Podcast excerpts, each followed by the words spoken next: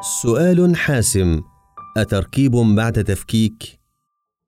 بقلم فتح الله جلان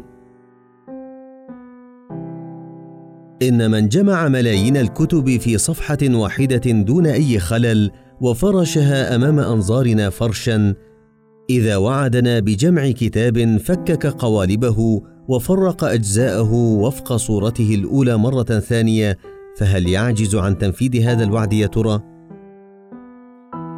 هب مخترعا ماهرا اخترع آلة جديدة لا مثيل لها فركبها وأبدع في صنعها ثم فككها وفرق جميع أجزائها ثم قال لك إنه سيركبها مرة أخرى فهل تقول له مستحيل أنت لا تستطيع فعل ذلك وهو مخترع تلك الآلة؟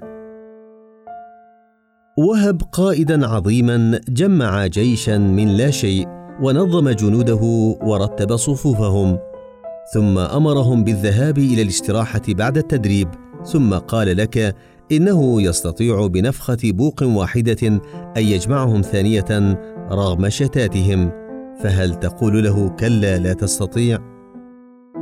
هذه الأمثلة البسيطة تؤكد استحالة إنكار البعث بعد الموت والتجمع للحساب يوم الحشر. ليست هذه فحسب بل هناك ملايين الأمثلة المماثلة التي تثبت الآخرة وتؤكد على وجودها تاكيدا لا يقبل النقاش.